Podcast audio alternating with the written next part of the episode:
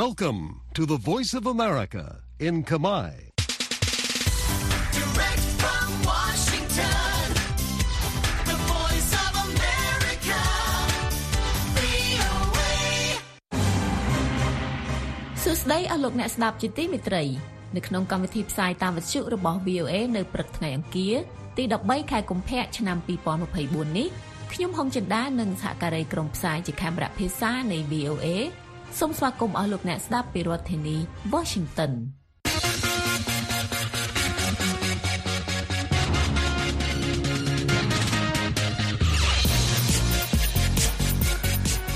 នៅក្នុងការផ្សាយរបស់ VOA នៅព្រឹកនេះយើងខ្ញុំមានសេចក្តីរាយការណ៍អំពីបេក្ខភាព3រូបប្រជែងគ្នាដើម្បីក្លាយជាមេដឹកនាំថ្មីនៅឥណ្ឌូនេស៊ីសកម្មជនគណបកភ្លើងទៀនលោកខឹមច័ន្ទវណ្ណៈប្រកាន់ចំហររឹងមាំបើទោះជាជាប់ពន្ធនាគារ ក្រុមអង្គការសង្គមស៊ីវិលនិងយុវជនស្នើគណៈបកប្រជាជនកម្ពុជាឲ្យដកពាក្យបណ្ដឹងលើមន្ត្រីអាត6និងសេចក្តីរាយការណ៍អំពីចំនួនជំរុញចំណាប់អារម្មណ៍ទូគីលើផ្លូវពាណិជ្ជកម្មចិនអឺរ៉ុបថ្មី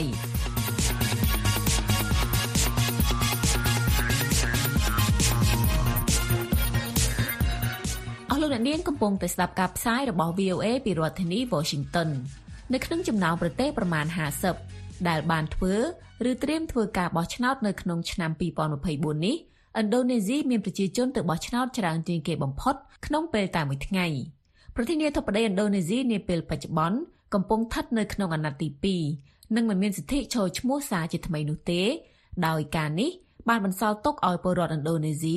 នៅជំរឿចំនួន3នៅក្នុងការចំនួនរូបលោក នៅពេលពួកគេចូលរួមការបោះឆ្នោត នៅថ្ងៃពុធទី14ខែកុម្ភៈនេះលោកអាហាឌៀន អ៊ុលតាម៉ានៃ VOA ជួនសេចក្តីរាយការណ៍ពីរដ្ឋធានីហ្សាកាតាប្រទេសឥណ្ឌូនេស៊ីហើយអ្នកនាងស្រីលក្ខិណាជួនសេចក្តីប្រាយសម្រួលដូចតទៅឥណ្ឌូនេស៊ីដែលមានប្រជាជនច្រើនជាងគេបំផុតទី4លើពិភពលោកនឹងធ្វើការបោះឆ្នោតនៅថ្ងៃទី14កុម្ភៈនេះបេក្ខជន3នាក់នឹងឈរឈ្មោះប្រជែងតំណែងប្រធានាធិបតីបេក្ខភាពទី1លោកអានីបាស្វេដិនវ័យ54ឆ្នាំគឺជាអ្នកនយោបាយមូស្លីមអភិរក្សនិយម ដែលទទួលបានឈ្មោះល្បីបន្ទាប់ពីលោកបានជាប់ឆ្នោតជ្រើសតាំងជាអភិបាលក្រុងហ្សាកាតាគាំទ្រពីក្រោយដោយក្រុមអភិរក្សនិយមអ៊ីស្លាមលោកប្រាបូវូសូវីយ៉ាន់តូវ័យ72ឆ្នាំគឺជាអតីតឧត្តមសេនីយ៍និងអតីតកូនប្រសារបុរសខ្លាំងលោកស៊ូហាតូកំពុងឈរឈ្មោះលើកទី3លោកទទួលបានការគាំទ្រពីប្រធានាធិបតីបច្ចុប្បន្នលោកជូកូវីដូដូដែលត្រូវបានគេស្គាល់ជាទូទៅថាជូកូវី កូនប្រុសរបស់លោកជូកូវីលោកគីប្រេនរ៉ាខាបូមីងរ៉ាខាគឺជាបេក្ខជនឈរឈ្មោះអមជាមួយលោកសូប៊ីយ៉ាន់តូបេក្ខភាពទី3លោកកិនចាប្រាណូវូវ័យ55ឆ្នាំ គឺជាអតីតអភិបាលខេត្តឆាវ៉ាភីកណ្ដាលដែលមានប្រជាប្រិយភាពដោយលោកប្រធានាធិបតីជូកូវីលោកក៏មកពីគណៈបកកណ្ដាលអំណាចគឺគណៈបកតស៊ូប្រជាធិបតេយ្យឥណ្ឌូនេស៊ីផងដែរលោក Entrika Natalie Gava គឺជាអ្នកជំនាញផ្នែកតំបន់អាស៊ីអាគ្នេយ៍ប្រចាំមជ្ឈមណ្ឌលសិក្សាផ្នែកយុទ្ធសាស្ត្រនិងសិក្សាអន្តរជាតិនៅក្នុងរដ្ឋធានី Washington លោកបានថ្លែងថា Prabowo Subianto, the current defense minister, and Ganja ខ្ញុំគិតថាលោក Prabowo Subianto និងលោក Ganja Pranowo អាចបន្តគោលនយោបាយរបស់រដ្ឋបាលលោកជូកូវី ចំណែកឯលោក Anis Baswedan អតីតអភិបាលក្រុងហ្សាកាតាយុទ្ធនាការឃោសនារបស់លោកមានភាពខុសប្លែកបន្តិចត្រង់ថាលោកសង្កត់ធ្ងន់លើការផ្លាស់ប្ដូរអ្នកមានសិទ្ធិបោះឆ្នោតជាង204លាននាក់នឹងចេញទៅបោះឆ្នោតជ្រើសរើសប្រធានាធិបតីបន្ទាប់ហើយ55%មានអាយុក្រោម40ឆ្នាំលោក Rehan Zafir អ្នកបោះឆ្នោតវ័យក្មេងមួយរូបថ្លែងថា Saya mengharapkan dibukanya lapangan pekerjaan atau ខ្ញុំ kesempatan ចង់បានការងារច្រើនជាងមុនសម្រាប់មនុស្សវ័យក្មេងពិសេសនិស្សិតទើបបញ្ចប់ការសិក្សាដោយរូបខ្ញុំអ្នកស្រី Diana Augustina ដែលជាអ្នកបោះឆ្នោតមួយរូបទៀតថ្លែងថា Yang terpenting adalah perbaikan kondisi ekonomi ya. សម្រាប់ខ្ញុំអ្វីដែលសំខាន់បំផុតគឺការលើកកម្ពស់សេដ្ឋកិច្ចដោយធ្វើឲ្យតម្លៃទំនិញថោកជាងមុនដើម្បីអាចស្រួលរស់នៅជាងមុនពាក់ព័ន្ធនឹងគោលនយោបាយការបរទេសបេក្ខជនទាំង3រូបមានទស្សនៈផ្សេងផ្សេងៗគ្នា ពាក់ព័ន្ធនឹងចំនួននៅសមុទ្រចិនខាងត្បូងលោកប្រាណូវូគាំទ្រកិច្ចព្រមព្រៀងបដោះអាសន្នជាមួយចិននិងពង្រឹងសមត្ថភាពនឹងការល្បាតរបស់កងទ័ពជើងទឹកស្រដៀងគ្នានេះដែរលោកប្រាបូវូសូវីយ៉ាន់តូថាចំនួននៅសមុទ្រចិនខាងត្បូងសង្កត់ធ្ងន់ពីតម្រូវការសម្រាប់កងកម្លាំងការពារជាតិខ្លាំងជាងមុន កន្លែងសម្រាប់ធ្វើការល្បាតនិងផ្កាយរណបបន្ថែមដំណើរគ្នានេះលោកអានីបាស្វេដិនបានអំពាវនាវឲ្យអាស៊ានដើរតួនាទីធំជាងមុននៅក្នុងការដោះស្រាយចំនួនផ្សេងផ្សេងៗអ្នកស្រី Dina Vinsnu អ្នកវិភាគពីក្រុមហ៊ុនប្រឹក្សាយោបល់ Synergy Policy ថ្លែងថា None of the candidate was very uh, direct. And គ្មានបេក្ខភាពណាមួយហ៊ាននិយាយដោយត្រង់ប្រឆាំងចិនទេខ្ញុំគិតថាឥណ្ឌូនេស៊ីនឹងបន្តពង្រឹងទំនាក់ទំនងល្អជាមួយចិន ដើម្បីឈ្នះការបោះឆ្នោតបេក្ខភាពត្រូវទទួលសម្លេងគាំទ្រ50%បូក1បើមិនដូច្នេះទេបេក្ខភាពកម្ពុជាពីររូបនឹងប្រជែងគ្នានៅក្នុងការបោះឆ្នោតសម្រេចនៅខែមិថុនានៅក្នុងការស្ទង់មតិមួយចំនួនលោកប្រាបូវូកំពុងឈានមុខគេធៀបនឹងបេក្ខភាពពីររូបទៀតប៉ុន្តែលោកមិនទាន់ទទួលបានសម្លេងគាំទ្រ50%នៅឡើយទេដូច្នេះការបោះឆ្នោតប្រធានាធិបតីទំនងនឹងធ្វើឡើងចំនួន2ជុំពីរដ្ឋធានី Washington ខ្ញុំស្រីលក្ខិណា VOA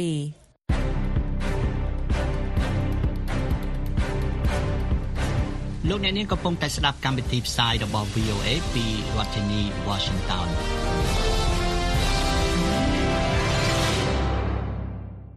លោកខឹមច័ន្ទវណ្ណៈជាសកម្មជនគណបកភ្លឹងទៀនមួយរូបដែលត្រូវបានអាជ្ញាធរចាប់ខ្លួនកាលពីថ្ងៃទី15ខែមករាឆ្នាំ2024និងបញ្ជូនទៅឃុំខ្លួននៅពន្ធនាគារប្រមាណ1ខែមកហើយលោកជាចៅសង្កាត់រងទី2នៃសង្កាត់កកា2ខណ្ឌពោធិ៍សែនជ័យរាជធានីភ្នំពេញ ដែលត្រូវបានប្រជាពលរដ្ឋបោះឆ្នោតឲ្យកាលពីខែមិថុនាឆ្នាំមុន ពីពន្ធនាគារលោកខឹមច័ន្ទវណ្ណៈបានផ្ដាំផ្ញើឲ្យភរិយារបស់លោករក្សាភាពរឹងមាំហើយរូបលោកផ្ទាល់ក៏រក្សាចំហររឹងមាំបើទោះជាជាប់ពន្ធនាគារក៏ដោយលោកលាស់លីបលីបរាយការណ៍លម្អិតឲ្យ VOA ពីរាជធានីភ្នំពេញដូចតទៅ នៅពេលទៅសួរសុខទុក្ខស្វាមីដែលត្រូវឃុំខ្លួននៅពន្ធនាគារព្រៃសរអ្នកស្រីឡង់សូដានីបានទទួលពាក្យផ្ដាំផ្ញើពីស្វាមីរបស់អ្នកស្រីគឺលោកខឹមចាវណ្ណៈសកម្មជនគណៈបកភ្លើងទៀនដែលត្រូវបានចាប់ខ្លួនកាលពីពាក់កណ្ដាលខែមករាអ្នកស្រីសូដានីអាយុ42ឆ្នាំប្រាប់ VOA ក្នុងបទសម្ភាសន៍មួយនៅផ្ទះរបស់អ្នកស្រីកាលពីពេលថ្មីៗនេះថាគាត់ក៏ប្រាប់ខ្ញុំថាឲ្យខ្ញុំនឹងមើលថែកូនហើយមើលផ្ទះសម្បែងអីអញ្ចឹងណាព្រោះគាត់អឺ ប្រកាន់ចំហគាត់រឹងមាំស្វាមីរបស់អ្នកស្រីគឺលោកខឹមចាំវណ្ណៈអាយុ45ឆ្នាំត្រូវបានអាជ្ញាធរក្រុងភ្នំពេញចាប់ខ្លួននិងឃុំខ្លួននៅពន្ធនាគារតាំងពីពាក់កណ្ដាលខែមករាមកក្រុមបាត់ចោទប្រកាន់ថាលោកក្លែងបន្លំឯកសារ លោកខឹមចាវណ្ណៈគឺជាចៅសង្កាត់រងទី2នៃសង្កាត់កាកាបទី2ខណ្ឌពោធិ៍សែនជ័យរាជធានីភ្នំពេញមកពីគណៈបកភ្លើងទៀនដែលត្រូវបានប្រជាពលរដ្ឋបោះឆ្នោតគាំទ្ររូបលោកកាលពីបោះឆ្នោតក្រុមប្រឹក្សាឃុំសង្កាត់នាខែមិថុនាឆ្នាំ2022លោកក៏មានតួនាទីជាប្រធានស្ដីទីគណៈកម្មាធិការប្រតិបត្តិគណៈបកភ្លើងទៀនរាជធានីភ្នំពេញនិងជាប្រធានប្រតិបត្តិខណ្ឌពោធិ៍សែនជ័យ កំពុងអង្គុយលើកៅអីថ្មនៅមុខបន្ទប់ស្នាក់នៅដែលជាទីលំនៅបច្ចុប្បន្នក្នុងភូមិប៉ោះប្រាក់ខាងត្បូងសង្កាត់ការកាប់ទី1ខណ្ឌពោធិ៍សែនជ័យអ្នកស្រីឡង់សូដានីបានរៀបរាប់ប្រាប់អ្នកសារព័ត៌មាន VOA ក្នុងទឹកមុខក្រៀមក្រំថាពេលអ្នកស្រីទៅសួរសុខទុក្ខនិងយកថ្នាំឲ្យស្វាមីដែលជាប់ឃុំក្នុងពន្ធនាគារព្រៃសរស្វាមីបានផ្ដាំអ្នកស្រីឲ្យបន្តតស៊ូនិងមើលថែកូនទាំងពីរនាក់ដែលកំពុងស្ថិតក្នុងវ័យសិក្សាគាត់ប្រាប់ថាឲ្យខ្ញុំតស៊ូអញ្ចឹងទៅនៅ ផ្ទះមើលថែកូនឲ្យកូនរៀនសូត្រនេះអញ្ចឹងទៅគាត់នៅក្នុងនោះគាត់អាចតស៊ូបានអញ្ចឹងណាហើយឆន្ទៈគាត់នៅរឹងមាំតុលាការរាជធានីភ្នំពេញបានចោទប្រកាន់លោកខឹមចាំវណ្ណៈពីបទក្លែងបន្លំឯកសារនិងប្រើប្រាស់ឯកសារក្លែងដែលប្រព្រឹត្តទៅកាលអំឡុងខែវិច្ឆិកាឆ្នាំ2023នេះជាការចោទប្រកាន់មួយដែលអ្នកស្រីឡង់សូដានីត្រូវជាភរិយារបស់លោកខឹមចាំវណ្ណៈចរានចោល អ្នកស្រីឡង់សូដានីយល់ថាស្វាមីរបស់អ្នកស្រីជាមនុស្សស្អាតស្អំហើយប្រជាពលរដ្ឋអាណិតស្រឡាញ់ដោយសារគាត់តែងតែជួយដោះស្រាយបញ្ហានានាជូនប្រជាពលរដ្ឋ លោកខឹមចាវណ្ណៈជាអ្នកគាំទ្រគណៈបកប្រឆាំងជាង20ឆ្នាំមកហើយគឺតាំងពីមុនលោកមិនតរៀបការជាមួយអ្នកស្រីឡង់សូដានីលោកធ្លាប់ធ្វើជាអតីតចៅសង្កាត់ទី1នៃសង្កាត់ការកាប់ទី2កាលពីឆ្នាំ2017នៅពេលអតីតគណៈបកសង្គ្រោះជាតិមានវត្តមានប៉ុន្តែកាលនោះលោកបំពេញការងារបានតែរយៈពេលប្រមាណ3ខែប៉ុណ្ណោះលោកបានបាត់បង់ការងារនោះនៅគ្រាតុលាការកំពូលបានរំលាយគណៈបកសង្គ្រោះជាតិរបស់លោកដូច្នេះតំណែងជាសមាជិកក្រុមប្រឹក្សាជាប់ឆ្នោតត្រូវបានផ្ដល់ឲ្យមន្ត្រីគណៈបកប្រជាជនកម្ពុជា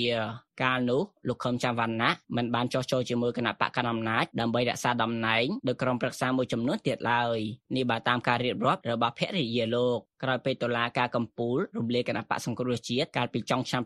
2017សកម្មជនមួយចំនួនក៏បានរត់ភៀសខ្លួនទៅប្រទេសជិតខាងនិងខ្លះកិច្ចខ្លួនរកកន្លែងមានសុវត្ថិភាពដើម្បីជៀសពីការតាមយាយីក្រោមរូបភាពផ្សេងផ្សេងៗប្រឈមនឹងការយាយីនេះដូចគ្នាលោកខឹមចាំវណ្ណៈកាលនោះក៏បានកិច្ចខ្លួនមួយរយៈទៅរស់នៅក្នុងខេត្តកំពង់ស្ពឺ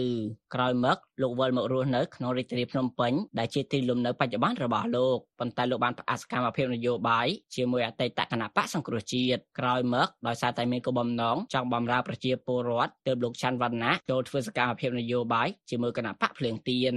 ភរិយារបស់លោកច័ន្ទវណ្ណៈគឺអ្នកស្រីឡង់សូដានីថ្លែងថាក្តីសម័យគាត់គាត់ចង់ធ្វើការអញ្ចឹងមានការងារមានប្រាក់ខែ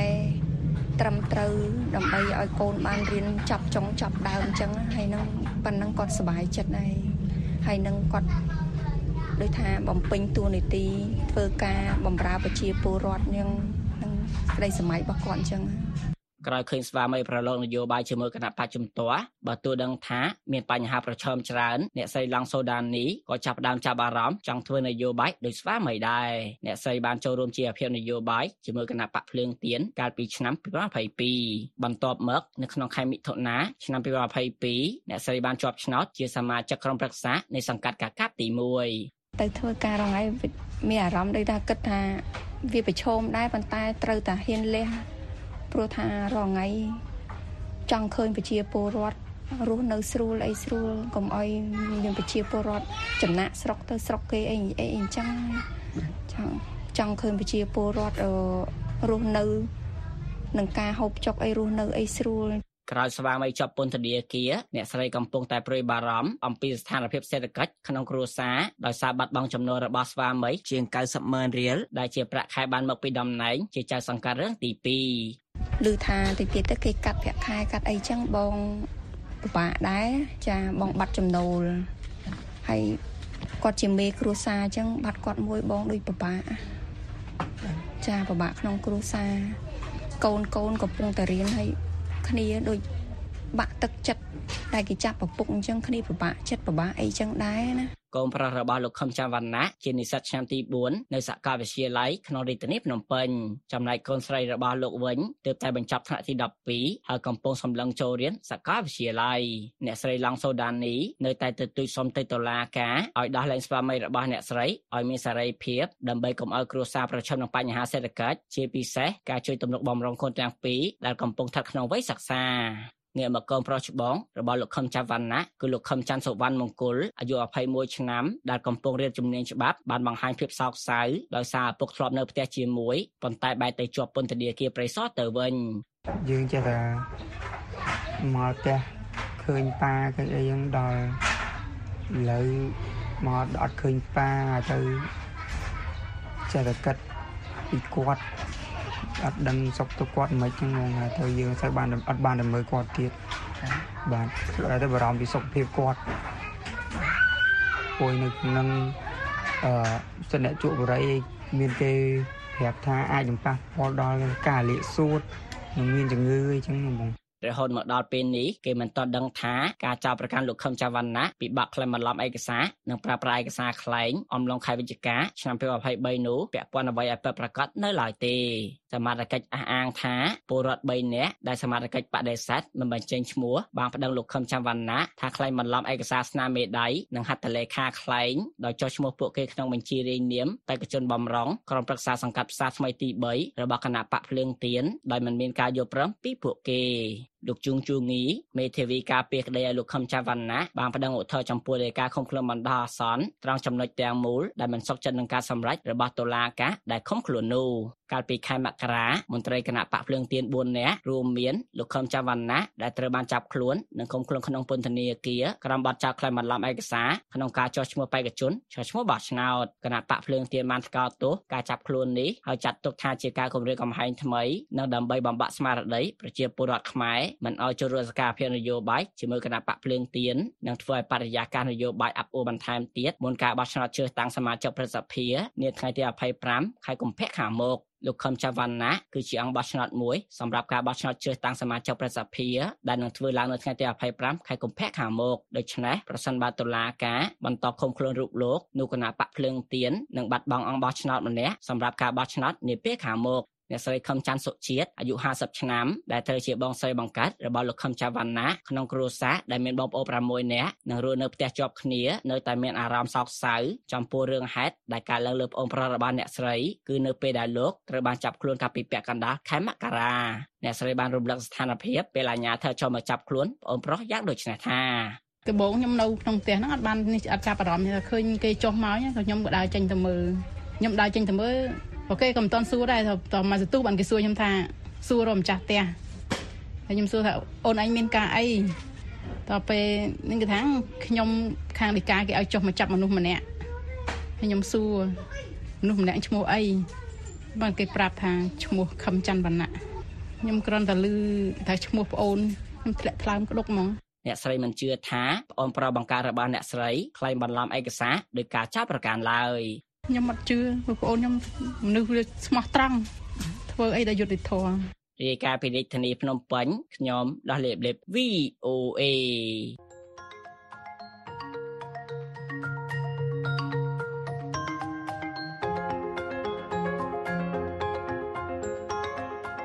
សូមស្វាគមន៍មកកាន់កម្មវិធី podcast កម្ពុជាសម្លឹងទៅមុខរដូវកាលទី2ប្រិមិត្តជាទីមេត្រី កាលពីរដូវកាលទី1អស់លោកអ្នកនាងបានស្ដាប់កម្មវិធី podcast កម្ពុជាសម្លឹងទៅមុខដល់ទៅ16ភាគដែលក្រុមអ្នកស្រាវជ្រាវកម្ពុជាឆ្នើមនិងវ័យក្មេងជាច្រើនអ្នកបានពិភាក្សានិងបកស្រាយអំពីទស្សនវិស័យនិងសក្តានុពលដែលជំរុញឲ្យមានការផ្លាស់ប្តូរវិជ្ជមានលើវិស័យនានាក្នុងប្រទេសកម្ពុជារាប់ទាំងវិស័យអប់រំសេដ្ឋកិច្ចសុខាភិបាលការទូតបរិស្ថាននិងអភិបាលកិច្ចជាដើមរដូវកាលទី2របស់យើងនឹងបដោតលើប្រធានបទធំមួយដែលយើងហៅថាវប្បធម៌ Digital ឬជាភាសាអង់គ្លេស Digital Culture និយាយទៅវាសំដៅលើឱកាសនិងកត្តាប្រឈមនៃការប្រើប្រាស់បច្ចេកវិទ្យានានាដើម្បីដោះស្រាយបញ្ហាប្រឈមក្នុងសង្គមនិងជំរុញឲ្យមានការផ្លាស់ប្តូរវិជ្ជមានជាបន្តបន្ទាប់ហើយជាពិសេសបង្កើនលទ្ធភាពឲ្យកម្ពុជាសម្រេចបាននូវគោលដៅអភិវឌ្ឍរបស់ខ្លួនក្នុងគ្រប់វិស័យដោយរដូវកាលទី1ដែរលោកអ្នកនាងអាចស្ដាប់ podcast កម្ពុជាសម្លឹងទៅមុខវប្បធម៌ Digital ឬ Digital Culture នេះតាម Apple Podcast Google Podcast Spotify និងតាមគេហទំព័ររបស់យើង khmer.vnews.com/envision Cambodia Digital Culture ហើយសូមកុំភ្លេច subscribe សូមអរគុណ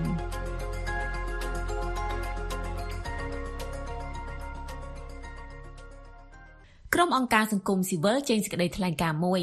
ដោយអំពាវនាវឲ្យគណៈបកកណ្ដាលអំណាច ដកពាក្យបណ្ដឹងលើមន្ត្រីជាន់ខ្ពស់នៃសមាគមសិទ្ធិមនុស្សអាត6លោកសឹងសានករណាលោកហ៊ុនសែនបានប្តឹងមន្ត្រីអាត6រូបនេះទៅតុលាការរាជធានីភ្នំពេញនិងទាមទារសំណងជំងឺចិត្តប្រមាណ50ម៉ឺនដុល្លារអាមេរិកកញ្ញាមាសដារាយការណ៍លម្អិតឲ្យ VOA ពីរាជធានីភ្នំពេញដូចតទៅ ក្រុមអង្គការសង្គមស៊ីវិលនិងយុវជនមួយចំនួនចេញសេចក្តីថ្លែងការណ៍រួមដោយស្នើសុំគណៈបកប្រជាជនកម្ពុជាពលពីលោកហ៊ុនសែនឲ្យដកពាក្យបណ្ដឹងលើមន្ត្រីជាន់ខ្ពស់សមាគមអាត6លោកសង្សានករណានេះបើតាមសេចក្តីថ្លែងការណ៍របស់ក្រុមអង្គការសង្គមស៊ីវិលចេញផ្សាយកាលពីចុងសប្តាហ៍ ក្រុមអង្គការសង្គមស៊ីវិលសមាគមសហជីពយុវជនប្រមាណ10ដែលចូលរួមមានសមាគមសម្ព័ន្ធនិស្សិតបញ្ញវន្តខ្មែរអង្គការសម្ព័ន្ធភាពការពារសិទ្ធិមនុស្សកម្ពុជា សមាគម IDEA សមាគមបណ្ដាញយុវជននិងក្រុមអ្នកវិភាគវ័យក្មេងជាដើមកាលពីថ្ងៃទី9ខែកុម្ភៈបានចេញសេចក្តីថ្លែងការណ៍មួយដោយស្នើសុំឲ្យដើមបណ្ដឹងពិចារណាដកពាក្យបណ្ដឹងលើរូបលោកសង្សានករណាអនុប្រធានផ្នែកអង្គការនៃសមាគមការពារសិទ្ធិមនុស្សអាត6ដែលកំពុងរងបណ្ដឹងតាក់ទងនឹងបទសម្ភាសន៍ជាមួយនឹងសារព័ត៌មាន The Cambodia Daily សេចក្តីថ្លែងការណ៍ដដែលឲ្យដឹងថានៅក្នុងបទសម្ភាសន៍នោះលោកសង្សានករណាមិនមានចេតនាទុច្ចរិតណាមួយបង្កាច់បង្ខូចកេរ្តិ៍ឈ្មោះរបស់គណៈបកប្រជាជនកម្ពុជានោះឡើយព្រោះលោកសង្សានករណាបានបដិសេធលើការបន្ថែមបន្ថយសម្រងសម្ដីដើមរបស់លោកដែលមានបញ្ជាក់ឈ្មោះគណៈបកប្រជាជនកម្ពុជា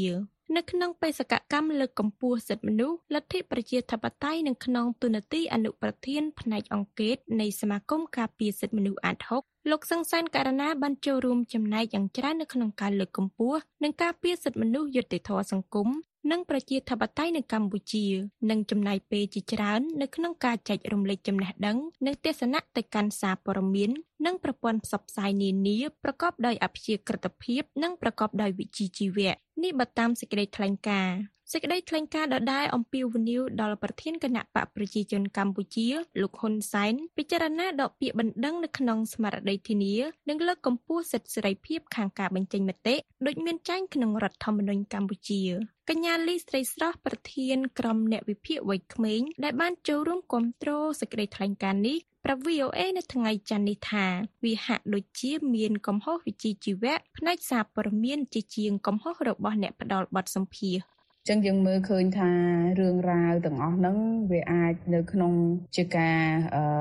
កែប្រែទៅលើសម្រងសម្ដីឲ្យត្រូវសម្រងសម្ដីដើមអញ្ចឹងកំហុសប្រភពហ្នឹងគឺវាអត់មានទេយើងមើលជារួមទៅគឺអាចនៅក្នុងតតិភាពកំហុសវិជ្ជាជីវៈសារព័ត៌មានឬក៏ការសម្រងសម្ដីខុសទេមិនមែនអឺប្រភពជាអ្នកផ្ដល់ឲ្យអឺខុសទេអញ្ចឹងណាលោកសង្សានកណាខ្លួនឯងហ្នឹងក៏បានបដិសេធទៅលើការបន្ថែមបន្ថយសម្រងសម្ដីនៅក្នុងអត្ថបទចុះផ្សាយរបស់ The Cambodia Daily ទៀតហើយ The Cambodia Daily ខ្លួនឯងហ្នឹងក៏គាត់បានកែសម្រងសម្ដីហ្នឹងឲ្យវាសមស្របជាមួយនឹងសម្រងសម្ដីដើមរបស់លោកសង្សានកណាដែលអត់មានបញ្ជាក់ឈ្មោះគណៈបកណាមួយទេលោកសុកអេសានអ្នកនាំពាក្យគណៈបកប្រជាជនកម្ពុជាប្រាប់ VOA នៅថ្ងៃច័ន្ទនេះថាការចេញសេចក្តីថ្លែងការណ៍ឬការដាក់ញត្តិទាមទារឲ្យមានការដកពាក្យបណ្ដឹងគឺជាសិទ្ធិសេរីភាពក្នុងការបញ្ចេញមតិរបស់អង្គការនិងក្រុមយុវជនទាំងនោះ លោកថាករណីនេះទុកឲ្យតុលាការជាអ្នកសម្រេចការធ្វើញត្តិក៏ដោយការមានមតិយ៉ាងណាក៏ដោយដែលសម្រួលតឬទៀមទាឲ្យដកពាក្យបណ្ដឹងនោះវាហួសពេលទៅហើយហើយយើងចាត់ទុកថាការចេញសេចក្តីថ្លែងការណ៍ឬមួយការមានមតិបែបណាអានឹងវាគ្រាន់តែជាសិទ្ធិបញ្ចេញមតិក៏ប៉ុន្តែការសម្រេចយ៉ាងណាវាមិនលើគាត់ទេ វាលើដើមបណ្ដឹងបាទហើយដើមបណ្ដឹងនេះគឺថាបានដាក់ទៅចូលដៃតុលាការហើយចឹងដើមបណ្ដឹងទុកឲ្យតុលាការលោកចាត់នីតិវិធីស្របទៅតាមទូនាទីភារកិច្ចរបស់លោក គូបញ្ជាក់ថាកាលពីថ្ងៃទី5ខែកុម្ភៈឆ្នាំ2024ក្រុមមេធាវីរបស់លោកហ៊ុនសែនបានដាក់ពាក្យបណ្ដឹងអ្នកនាំពាក្យសមាគមការពារសិទ្ធិមនុស្សអាត6លោកសង្សានករណាទៅតុលាការនឹងទាមទារសំណងជំងឺចិត្តចំនួន2000លានរៀលឬប្រមាណ50ម៉ឺនដុល្លារពាក់ព័ន្ធនឹងអត្ថបទមួយដែលចេញផ្សាយដោយសារព័ត៌មាន The Cambodia Daily កាលពីថ្ងៃទី2ខែកុម្ភៈដោយដកស្រង់សម្ដីរបស់លោកសង្សានករណាក្នុងអត្ថបទសារព័ត៌មាន The Cambodia Daily ដែលមានចំណងជើងថាលោកសុនឆៃក្រុងលក់ផ្ទះចុងក្រោយរបស់លោក ជាង1លានដុល្លារដើម្បីសងជំងឺចិត្តគណៈបកកណ្ដាលអំណាចលោកសង្សានករណាត្រូវបានដកស្រង់សម្ដីមកសរសេរថាវិវាទរបស់អ្នកនយោបាយគួរបញ្ចប់ដោយនយោបាយមិនគួរប្រើប្រាស់ប្រព័ន្ធតុលាការមកដោះស្រាយទេគណៈបកកណ្ដាលអំណាចតែងតែយកតុលាការមកធ្វើជារបាំងក្នុងការគៀបសង្កត់ដៃគូនយោបាយប្រឆាំងរបស់ខ្លួនគណៈបកនយោបាយទាំងអស់គួរតែប្រើវិធីចាស់ទុំដើម្បីធ្វើការប្រកួតប្រជែងគ្នាគួរបញ្ឈប់នៅវប្បធម៌គំរាមកំហែង ដៃគូនយោបាយរបស់ខ្លួន ដើម្បីទុកជាគំរូសម្រាប់អ្នកនយោបាយចំនួនក្រោយក្រោយមានការប្តឹងផ្តល់នេះអ្នកនាំពាក្យសមាគមការពារសិទ្ធិមនុស្សអាត់ហុកលោកសង្សានករណាលើកឡើងថាលោកមិនបានប្រើប្រាស់ពាក្យពេចន៍ចំចំលើគណៈបកប្រជាជនកម្ពុជាដោយការចុះផ្សាយរបស់សារព័ត៌មាននោះទេ ក្រោយមានការប្តឹងផ្តល់ដោយសំអាងលើអត្ថបទសារព័ត៌មានស្ថាប័ន The Cambodia Daily ដែលផ្សាយចេញពីសហរដ្ឋអាមេរិកតាម Facebook និងគេហទំព័របានចេញសេចក្តីជូនដំណឹងមួយលើទំព័រ Facebook របស់ខ្លួនថាខ្លួនបានកែសម្រួលសម្ដីដកស្រង់របស់លោកសង្សានករណាមួយចំនួនក្នុងនោះលុបចោលនៅសម្ដីចម្រុងចម្រាស់ដូចជាគណៈបកកណ្ដាលអំណាចតែងយកតឡាការមកធ្វើជារបាំងក្នុងការគៀបសង្កត់ដៃគូនយោបាយប្រឆាំងរបស់ខ្លួន រាយការណ៍ពីរាជធានីភ្នំពេញ នាងខ្ញុំមាសដា VOA លោកអ្នកនាងកំពុងតែស្ដាប់កម្មវិធីផ្សាយរបស់ VOA ពីរដ្ឋធានី Washington ដែលមាន2លើកក្នុងមួយថ្ងៃគឺពេលព្រឹកពីម៉ោង5ដល់ម៉ោង5:30នាទីនិងពេលយប់ពីម៉ោង8:30នាទីដល់ម៉ោង9:30នាទីមកនៅប្រទេសកម្ពុជាចំនួននៅអ៊ុយក្រែននិងមជ្ឈិមបូព៌ាកំពុងជំរុញចំណាប់អារម្មណ៍ថ្មីដោយទួរគី លើផ្លូវពាណិជ្ជកម្មថ្មីរបស់ចិនអឺរ៉ុបដែលគេស្គាល់ថាច្រករបៀងកណ្ដាលដោយដែលលោក Dorian Jones រាយការណ៍អំពីរឿងនេះពីទីក្រុងអ៊ីស្តង់ប៊ុលថាការគ្រប់គ្រងរបស់ប្រទេសទូគីដល់ច្រករបៀងនេះកំពុងកើនឡើងនៅពេលដែលទីក្រុងអង្ការ៉ាធ្វើឲ្យមានការផ្លាស់ប្ដូរដ៏ធំមួយនៅក្នុងទំនាក់ទំនងដ៏សោះកក្រោះពីមុនរបស់ខ្លួនជាមួយទីក្រុងប៉េកាំងលោកម៉ែនកំសែងជួនសេចក្តីប្រាសម្រួលដូចតទៅ ដោយសង្គ្រាមនៅអ៊ុយក្រែនមិនដឹងចប់ពេលណា ទីក្រុងអង្ការ៉ាឃើញឱកាសមួយនៅក្នុងគម្រោងច្រករបៀងកណ្ដាលដែលតភ្ជាប់ប្រទេសចិនទៅអឺរ៉ុបតាមរយៈទូគីដែលនឹងជៀសផុតពីប្រទេសរុស្ស៊ីនិងទណ្ឌកម្មលោកខាងលិចអ្នកស្រី Khakda Ungo សាស្ត្រាចារ្យផ្នែកវិទ្យាសាស្ត្រនយោបាយនៅសាកលវិទ្យាល័យ Marmara នៃទីក្រុង Istanbul បានថ្លែងថា It's going to be an alternative uh, corridor to the Russian uh, Trans-Siberian uh, Railway. វានឹងជាច្រករបៀងជំនួសផ្លូវរថភ្លើង Trans-Siberian របស់រុស្ស៊ីដែលខ្ញុំយល់ជាគំនិតមួយមានប្រជាប្រិយភាពពីព្រោះពេលនេះប្រទេសអឺរ៉ុបភាគច្រើនកំពុងព្យាយាមជៀសវាងរុស្ស៊ីក្នុងការដឹកជញ្ជូនទំនិញរវាងចិននិងអឺរ៉ុបនៅក្នុងកិច្ចប្រជុំកំពូលមេដឹកនាំអាស៊ីកណ្ដាលកាលពីឆ្នាំមុនប្រធានាធិបតីទូគីលោក Recep Tayyip Erdogan ថ្លែងចំឈ្មោះគម្រោងពហុភាគីនេះ ដែលជាការគូបញ្ជាក់អំពីសារៈសំខាន់ដែលរដ្ឋាភិបាលទូគីបានយកចិត្តទុកដាក់មេដឹកនាំទូគីបាននិយាយថាតម្លៃនៃគំនិតផ្ដួចផ្ដើមផ្លូវដឹកជញ្ជូនអន្តរជាតិឆ្លងកាត់សមុទ្រកាស្ពីយនបានកើនឡើងដោយការវិវត្តបច្ចុប្បន្នគឺចំនួនរវាងរុស្ស៊ីនិងអ៊ុយក្រែនហើយនិងអ៊ីស្រាអែលនិងក្រុមហាម៉ាសលោកអេដូហ្គានបាននិយាយថាទូគីត្រូវតែបន្តសម្របសម្រួលនិងជំរុញច្រករបៀងនេះ ដើម្បីប្រយោជន៍ទៅវិញទៅមករបស់ទូគីនិងចិន Hazar geçişli Doğu Batı Orta Koridor girişiminin değeri mevcut gelişmeler kar តម្លៃផ្លូវដឹកជញ្ជូនអន្តរជាតិ Trans Caspian បានកើនឡើងដោយសារស្ថានភាពបច្ចុប្បន្នយើងត្រូវបន្តសម្របសម្រួលនិងកែលម្អដំណើរការច្រករបៀងនេះដើម្បីប្រយោជន៍របស់យើងទាំងពីរសមុទ្រក្រហមគឺជាផ្លូវមួយទៀតរវាងចិននិងអឺរ៉ុបហើយអ្នកវិភាគថា ការវាយប្រហាររបស់ក្រុមហ៊ូធីផ្ដើមចេញពីសង្គ្រាមអ៊ីស្រាអែលហាម៉ាស់ធ្វើឲ្យគម្រោងច្រករបៀងកណ្ដាលនេះកាន់តែតាក់ទាញទូគីការគ្រប់គ្រងរបស់ទូគីចំពោះច្រករបៀងនេះកើនឡើងខណៈទំនាក់ទំនងរវាងទូគីនិងចិនប្រសើរឡើងផងដែរអ្នកស្រី Diren Dogan សាស្ត្រាចារ្យផ្នែកទំនាក់ទំនងអន្តរជាតិនៅសាកលវិទ្យាល័យ Alanya Aladdin Kikubat ភាគខាងត្បូងទូគីថ្លែងថា ការកែលម្អត្រូវបានបង្ហាញតាមរយៈកាយវិការនានា ដែលរួមបញ្ចូលដំណើរទស្សនកិច្ចថ្មីៗនេះរបស់រដ្ឋមន្ត្រីការបរទេសចិន relations between two countries always ទំនាក់ទំនងរវាងប្រទេសទាំងពីរនេះតែងតែឡើងចុះប៉ុន្តែសប្តាហ៍ថ្ងៃនេះយើងអាចឃើញថាទំនាក់ទំនងរវាងចិននិងទូគីកំពុងតែឈានឡើង ជាពិសេសចាប់ពីលោកបាងយីរដ្ឋមន្ត្រីការបរទេសចិន បំពេញទស្សនកិច្ចនៅទូគីវាមិនគ្រាន់តែលើកទឹកចិត្តទ្វេភាគីទេ គឺសម្រាប់តំបន់និងពិភពលោកដែលកំពុងផ្លាស់ប្ដូរ ទំនាក់ទំនងរបស់ទូគីជាមួយចិនមានភាពតានតឹងដោយទូគីបានរិះគន់ការបង្ក្រាបរបស់ចិនលើជនមូស្លីមភាគតិចអ៊ុយហ្គើដោយអ្នកប្រឆាំងជាច្រើនបានមកជ្រកកោននៅទូគីប៉ុន្តែអ្នកវិភាគថាទូគីកំពុងបន្ទន់ជំហរអ្នកស្រី Seren Ergen គឺជាអ្នកជំនាញអំពីប្រទេសចិននៅមជ្ឈមណ្ឌលសម្រាប់ការសិក្សាគោលនយោបាយអឺរ៉ុបនៅទីក្រុង Brussels អ្នកស្រីបានថ្លែងថា China um, uh, perceives Turkey as a high uh, political risk country in the region. ចិនយល់ថាទូគីជាប្រទេសមានហានិភ័យនយោបាយខ្ពស់ក្នុងតំបន់ដោយសារបញ្ហា Uyghur ថ្មីថ្មីនេះរដ្ឋាភិបាលបង្ហាញថាពួកគេជ្រើសរើសរក្សាទំនាក់ទំនងល្អជាមួយរដ្ឋចិនជាជាងគ្រប់គ្រងទាំងស្រុងឬយ៉ាងច្បាស់លាស់ចំពោះបុព្វហេតុ Uyghur អ្នកវិភាគថាត្រូវជំនះឧបសគ្គជាច្រើនទៀតដែលតម្រូវឲ្យមានការចោះសម្រុងគ្នា ផ្នែកគយរវាងប្រទេសឆ្លងកាត់និងការចំណាយលើហេដ្ឋារចនាសម្ព័ន្ធសំខាន់សំខាន់អ្នកស្រី Khakda Ongo អ្នកវិទ្យាសាស្ត្រនយោបាយនៅសាកលវិទ្យាល័យ Marmara នៅទីក្រុង Istanbul ថ្លែងថា The main problem right now បញ្ហាចម្បងពេលនេះគឺផ្នែកហិរញ្ញវត្ថុតើអ្នកណាវិនិយោគនៅច្រករបៀងកណ្ដាលលោកអេដូហ្គានឃើញថាលោកនឹងបានផលច្រើនក្នុងការព្យាយាមដើម្បីពង្រីកឥទ្ធិពលនៅក្នុងតំបន់ ហើយបាននឹងកំពុងពង្រឹងចំណងការទូតជាមួយប្រទេសនៅអាស៊ីកណ្ដាលអ្នកវិភាគថាការប្រែក្លាយទូគីទៅជាស្ពានសេដ្ឋកិច្ចរវាងតំបន់បូព៌ានិងលោកខាងលិចនិងពន្លឿនដំណើរការនោះនឹងផ្ដល់រង្វាន់សេដ្ឋកិច្ចផងដែរពីរដ្ឋធានី Washington ខ្ញុំម៉ែនកឹមសេង VOA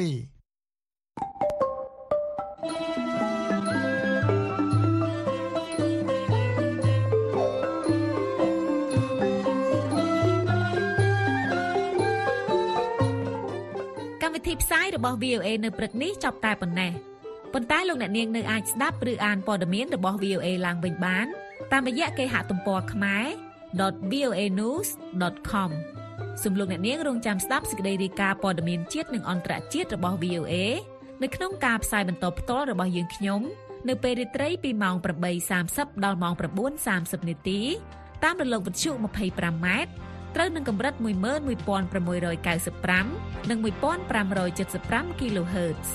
អរុនសួស្តី